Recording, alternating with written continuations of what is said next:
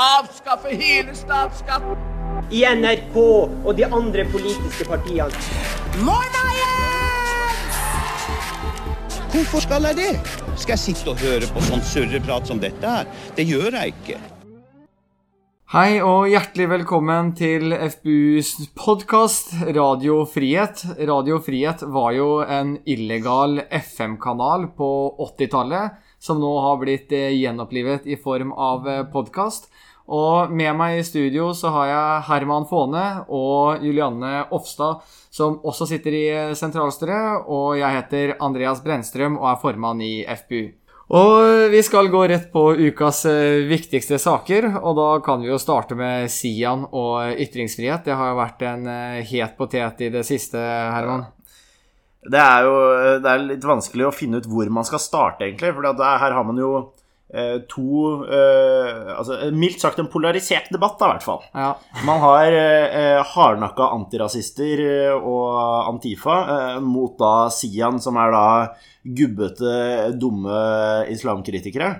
Eh, og de møtes da til dyst med politibarrikader i midten.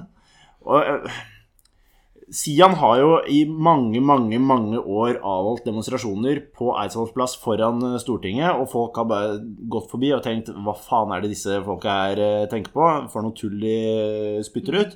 Og så går man forbi, og så, og så tenker man ikke noe mer over det. Mens nå har man jo begynt å motdemonstrere mot dem. Og eh, det er jo egentlig akkurat det Sian ønsker. Man ser at Rødt i Oslo blant annet var blant motdemonstrantene. Satt opp en stor motdemonstrasjon og går rett på limpinnen til Sian. Og har gjort seg selv til et talerør for rasistiske holdninger. Og invitert Sian med inn i samfunnsdebatten, både på NRK og i TV 2. Så eh, her har de gitt rett og slett Sian et gratis pass rett inn i samfunnsdebatten, eh, mens de tror at de gjør, eh, gjør samfunnet en stor tjeneste. Faktum er at de gjør en enorm bjørnetjeneste. Ja, og Altså, de gir jo Sian masse oppmerksomhet, og de blir jo et kjempetalerør, hvor de får lov til å spy ut all sin kvalme foran ja, alle mediene, rett Men de er så snille, vet du. De er så snille, for at de står opp mot Sian, ikke sant. Så de, er, de vil jo bare alt godt, ikke sant. Det er som du sier, de går på i hver felle de klarer å gå i. Og Sian har jo gått fra å være en liten, eh, et gubbevelde med tre medlemmer som syns det er gøy å kommentere på Facebook, til å faktisk bli en organisasjon som kan sette litt dagsorden, da. Dessverre. Og det er jo også flere muslimske miljøer som også har tatt til orde for at man bør ikke delta på motdemonstrasjoner, fordi det legitimerer bare aksjonene til eh, Sian. Og når de kaller aksjonen sin for krenkefest, så skjønner man jo åpenbart hva intensjonen er. Det er jo å provosere, og da tror jeg egentlig det beste er å la seg ikke bli provosert. Og så må jeg også legge inn en ting til også. Jeg syns det viktigste når det kommer til eh, Sian og ytringsfrihet, som har blitt den påfølgende debatten, det er at man ikke eh, mister respekten for politiet. Eh, jeg synes de radikale pøblene som har drevet og kasta stein på politiet, rett og slett må skjerpe seg, og man er nødt til å gjenreise respekten. Ja. men jeg synes også saken viser at man har en helt ny politisk akse også. Og det er de som tenker med hjernen, og de som tenker med hjertet, rett og slett. For man bruker moral eh, som eh, skjold foran seg, eh, som motdemonstranter, og tenker at eh, nå gjør vi, nå, nå, vi gjør dette her fordi at vi er, skal være gode og være, eh, kjempe på den riktige siden. Og selvfølgelig gjør man det, man kjemper på den riktige siden. Men så er spørsmålet hva slags praktiske resultater er det man ser, da. Det man ser, er at Sian har eh, fått Hva var det sist jeg så? At de har fått 1600 nye medlemmer eller noe sånt. Så er det jo bare å gratulere motdemonstrantene, gi dem en klapp på skulderen og si gratulerer med vel gjennomført jobb. De har rett og slett eh, gjort Sian enda verre enn det de allerede var. Sian kan jo bare takke for bidraget. Ja. Eh, og så syns jeg også det er viktig å si at eh, det Sian gjør, er jo egentlig bare barnslig. Å stå på Eidsvolls plass foran Stortinget og spytte på eh, religiøse skrifter og skape seg, det er egentlig bare barnslig. Man burde egentlig bare la det forbigå i, i stillhet, og ikke gjøre en større greie ut av det. Og så er jeg helt enig i det sier, Herman. Man får en ny politisk ak- akse mellom de som prioriterer en politikk basert på fakta, eller de som prioriterer en politikk basert på følelser. Fordi hva er det som skjer? Jo, nå ønsker jo folk å legge noen av demokratiets viktigste grunnprinsipper, nemlig ytringsfriheten, til grunne. Fordi det er noen som står og skaper seg foran eh, Stortinget. Og sånn kan vi ikke ha det. Jeg tror ja, og, og, eh, Selv om jeg tar, eh, går til angrep på motdemonstrantene, så betyr ikke det at jeg tar si til eh, forsvar, bare sånn at lytterne er klar over det. Men det er jo åpenbart at eh, motdemonstrantene rett og slett eh, innser at de har driti seg ut, og mm, ønsker da reaksjonene deres. Så blir det rett og slett det at eh, ja, ok, men da skal vi forby ytringsfriheten for Sian. Og da ja, er man på dypt, dypt farvann. Ja. Jeg håper jo i hvert fall at folk fremover skjønner at det, dette ikke er måten å gå fram. Vi ser jo det at ved å sensurere meninger, så blir det jo bare enda flere som, eh, som Ja. melder seg inn i Sian, og som tenker at eh, ytringsfriheten den står så sterkt at da skal søren meg jeg være med å markere det også. Og vi ser jo i land som Tyskland f.eks., hvor man har mye strengere lovverk for eh, hatytringer enn man har i Norge. Der har jo også ekstreme miljøer vokst opp i mye større grad. F.eks. nynazistiske organisasjoner har kommet på banen i mye større grad i Tyskland etter at man begynte å få et strengere lovverk for sånne uttalelser. Så jeg tror det er et veldig tydelig tegn på at eh, det lovverket som eh, mange av motdemonstrantene her ønsker å få fram, det fungerer rett og slett mot sin hensikt. Og er det noe vi skal gjøre, så er det å stå opp for ytringsfriheten, uansett om vi er enige eller uenige i hva som blir sagt. Ja, jeg er eh, helt enig, Juliane. Det er jo den typiske Streisand-effekten. Hvis du prøver å fjerne det, så vil det bare skape mer oppmerksomhet, nettopp fordi du prøvde å fjerne det. Og dumme meninger de må bli imøtegått med motargumenter. Men eh, det har også vært eh, flere andre overskrifter eh, den siste tiden. Og en av dem har jo vært den omdiskuterte nye lederen for eh, oljefondet. Wow. For en fyr. Og så her har vi en, eh, en kar fra det glade Sørland som eh, i 2005 eh, eh, dannet eh, sitt eget selskap, og, altså et investeringsselskap, rett og slett. Eh, Og har da generert mange, mange milliarder kroner. Det han fant opp, var egentlig ikke et investeringsselskap, det var vel egentlig en pengemaskin. Eh, Så han har fråtset i eh, penger og vet hvordan man skal tjene penger. En perfekt mann til å, å lede det norske oljefondet. Han vel, sitter vel med 7 milliarder kroner i rene pengerformuer siden 2005. Og det sier jo litt. Men det var jo et stort problem da, for eh, sosialistene på Stortinget. De synes ikke at en mann som tjener penger, skal være ansvarlig for å tjene penger for Norges eh, sparegris. De mener heller at det burde være en, eh, en kar som er mer ydmyk, eller helst en kvinne, kanskje, som aldri har tjent penger noensinne. Det ville vært den ideelle personen. Eh, Så derfor ble jo da Nicolai Tangen eh, the scapegoat over all, rett og slett. Og ja, jeg, jeg synes at når han da velger for det første å gi fra seg pengemaskinen sin, selskapet, gir det bort til en veldedig stiftelse, helt gratis. I tillegg så tar han ut alle pengene sine fra investeringer eh, noensinne, og alt ut, inn i sparekonto.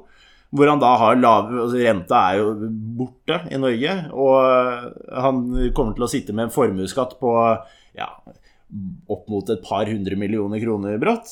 Eh, og han får da lønn for strevet som oljefondsjef på tre-fire millioner kroner. Så han går jo det man kan kalle for et ganske dundrende underskudd ved å ta på seg jobben. Men jeg syns det er kult. For her velger han å gjøre det norske folk en tjeneste. Dette er jo som å, som å stille seg disponibel til Forsvaret eller hva enn det skulle være. Han tilbyr sine tjenester gratis for det norske folk. Eller han betaler for å disponere det til det norske folk, slik at vi kan eh, tjene mer penger eh, i våre, pensjons, eh, våre pensjonspenger skal få økt verdi. Så jeg syns egentlig han burde fått en statue. Han snakket om at han fortjente en øl, men jeg syns en statue ville vært bedre plass. Ja, Det er jeg helt enig i, og det er jo eh, selvfølgelig eh, Nicolai Tangen eh, vi snakker om. Og det jeg syns er det store paradokset her, litt sånn som du er inne på, Herman, men her er det altså en person som er så utrolig flink til å plassere penger at han har tjent seg styrtrik på det. Og så trenger Norge en person til å plassere fellesskapets formue, oljefondet.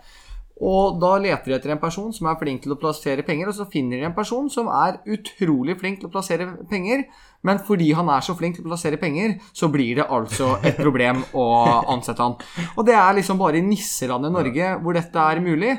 Og det beste hadde kanskje vært om han eh, var eh, sosialist. Det hadde kanskje vært litt eh, enklere, eller om han ikke var så veldig flink til å plassere penger. For det er jo tross alt ikke så veldig bra å være flink til å plassere penger. Nei, det er jo en ganske utrolig historie. Altså, det er jo Det ville jo vært rart om vi skulle ha en oljefondsjef som faktisk var kvalifisert. Det virker jo som det er det enkelte her prøver å argumentere mot. Så Nei, jeg synes jeg er helt enig, Herman. Creds til Nicolai Tangen som gidder å ta den jobben etter at han bare har blitt pissa på, egentlig, av eh, samtlige institusjoner i Norge. Skal, skal jeg være helt ærlig, jeg skjønner ikke hvorfor han gidder det. Jeg skjønner Ikke ærlig. ikke. Altså, han, han, men han har tjent opp eh, nok penger til at han kan spe på eh, alle de fremtidige generasjonene, nærmest, sånn at de kan leve gode, lykkelige liv i sus og dus. Så altså, han har jo nok penger. Men han er jo ganske maskin da, når han kommer kjørende inn på første dag på, eh, på jobben. Eller det var jo ikke første dagen, men første dagen etter saken var over, i hvert fall. Med eh, hjelm og elsparkesykkel og buser inn. Det er jo eh, litt av en mann. Han sa jo at han hadde blitt, blitt forelsket i organisasjonen, så derfor han ikke vurderte å trekke seg. Men det var også kult på pressekonferansen når eh, en av eh, disse journalistene spør Ja, er, hvilken sparebank er det du tenker å putte pengene dine? Så sier han nei, altså det ville jo vært veldig dumt om jeg putta alle pengene mine i én bank. Da jeg burde jo dele dem litt ut. Så sier journalisten nei, nei, jeg vet ikke, jeg har aldri vært milliardær før.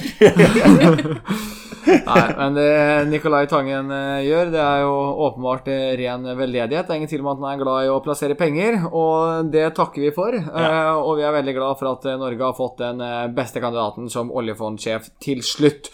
Og med det så fortjener han ukas statue. Men vi må gå videre. Det har vært eh, flere overskrifter. Eh, Høyres programkomité har vært ute med mange forslag eh, den siste tiden, og felles for dem alle har vel vært at det er god, gammeldags FBU- og Frp-politikk. Og det skal vi være stolt av.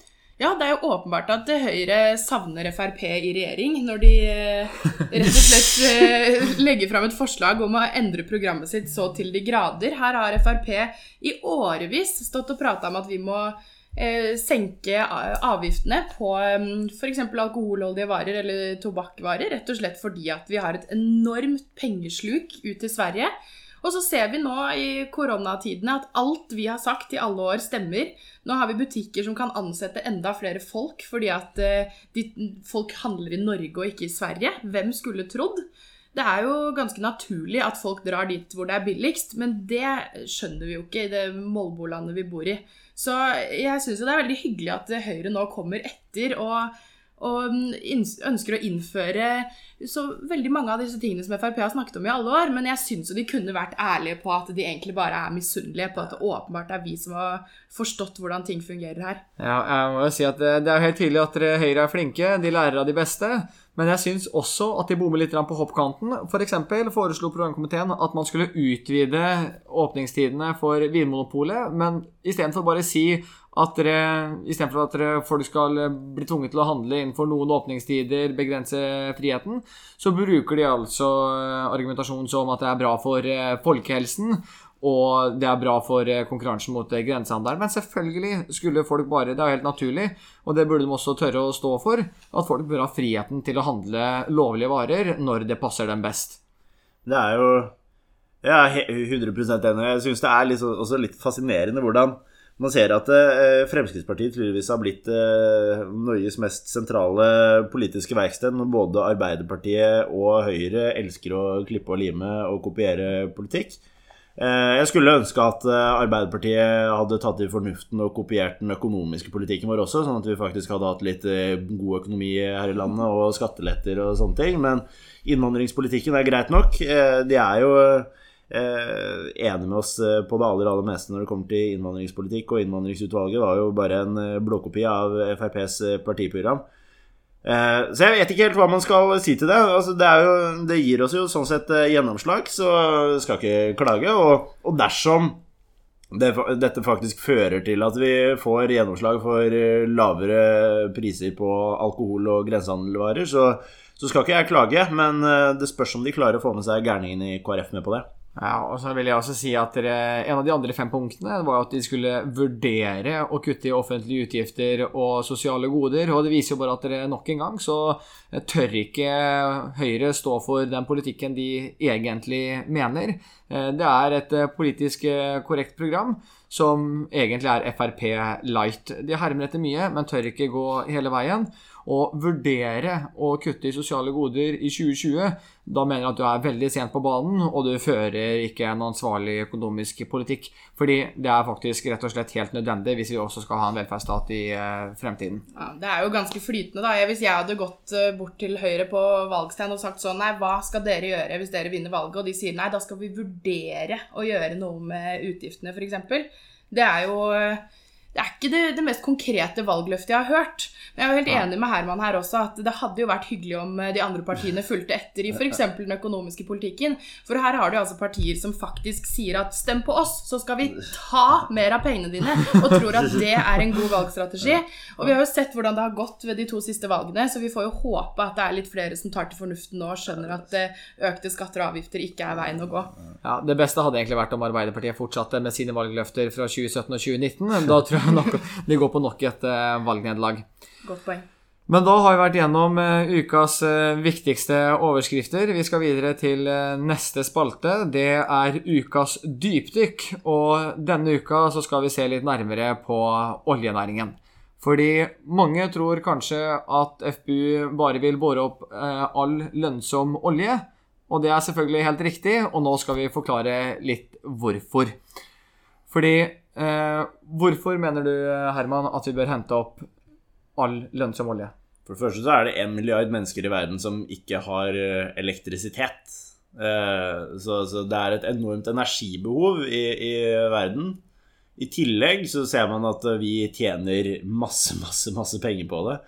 Fortjenesten per oljearbeider er vel på 9 millioner kroner i året, eller hva det er.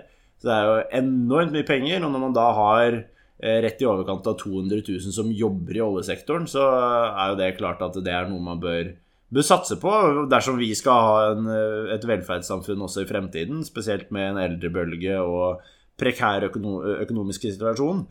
Og det jeg mener er aller mest interessant, er jo det å se hvordan olje er med på å kutte klimautslippene gjennom å erstatte kullkraftverk rundt omkring i Europa.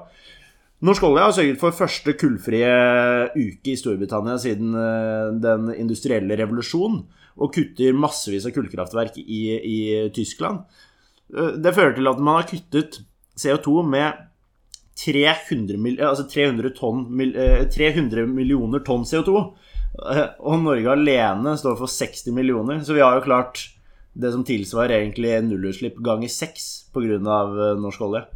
Og det jeg også syns er eh, ganske interessant, det er jo at dere Når man har en så stor eh, og viktig næring, hele Norges økonomi er avhengig av den, og så skal man forvalte den videre, da mener jeg også at man er nødt til å ta det mest rasjonelle valget. Og da ser man jo at sosialistene de fører en eh, symbolpolitikk. Ved å legge ned norsk olje- og gassnæring, så vil faktisk utslippene i Europa gå opp. Altså Det er ren symbolpolitikk. Og hvis Norge slutter å eksportere olje, så vil andre nasjoner bare overta. F.eks. diktatorregimer i Midtøsten, f.eks. Saudi-Arabia og Iran. Det vil si, det har null klimaeffekt, faktisk negativ klimaeffekt. Og i tillegg til det så vil andre eh, diktatorregimer bare ta over. Det mener jeg er irrasjonell politikk basert på følelser og ikke på fakta. Ja, og så er det jo det store problemet her er rett og slett at per nå så har vi ikke noe fullverdig alternativ, som du er inne på, Herman. Vi har, det er 230 000 mennesker som jobber i oljesektoren i dag. Og hvis du prøver å konfrontere noen på venstresiden med det her og si ja, men hva har dere tenkt å gjøre med de arbeidsplassene, så er det liksom Nei, vi får vel demme opp en elv og sette opp et par vindmøller, da. Men det er jo, det er jo ikke noen arbeidsplasser i det. Så det er jo helt tydelig at eh, vi er helt nødt til å opprettholde den produksjonen vi har i dag hvis vi skal holde folk i jobb. Og eh, det er jo det er kjempeviktig at vi har mennesker i arbeidslivet i dag. Og vi ser jo også at eh, i koronakrisen f.eks., hvor heldige vi er som har et oljefond, som eh, har hatt mulighet til å betale oss ut av denne krisa på en helt annen måte enn de fleste andre land i verden har hatt mulighet til. Så det store paradokset her er jo egentlig at alle klimatiltakene til MDG og venstresiden, de trenger de oljepenger for å finansiere. Ja. Og jeg skulle gjerne likt å høre hvordan de har tenkt å løse den, eh, den knipa de har satt seg selv i, for det tror jeg kan bli ganske interessant. Og, og, ikke sant, eh, Fremskrittspartiet blir jo svartmalt pga. at vi støtter oljenæringen og er liksom eh, oljenæringens største forkjemper. Men samtidig så ser man jo Rødt, SV f.eks., eh, som prøver å profilere seg som klimaparti. Spesielt SV, som har profilert seg veldig som et klimaparti. Eh, men allikevel så er de mot EØS-samarbeid, f.eks. Og de vil ikke selge noe av, eh, av eh, overskuddsenergi. De vil bruke all energien selv her i Norge og sperre oljekrana. Ikke sant? Og da kan man se hva som skjer. Altså, det vil jo føre da, til at netto økt utslipp i, i verden vil jo øke da med hva blir det, 240 millioner tonn CO2. Eh, I tillegg til at eh, Norge bare fortsetter egentlig med samme altså, Aller meste av elektrisiteten i Norge er allerede fornybar, som man bruker på Fastlands-Norge. Og man vil tape masse, masse, masse, masse penger og masse, masse arbeids, ja. arbeidsplasser. Så man kan jo egentlig bare oppsummere med å si at dere, det mest rasjonelle, det smarteste å gjøre, det er å pumpe opp all lønnsom olje, fordi det faktisk vil kutte i utslippene i Europa. Det vil skape masse arbeidsplasser i Norge, og det vil være med å finansiere velferdsstaten.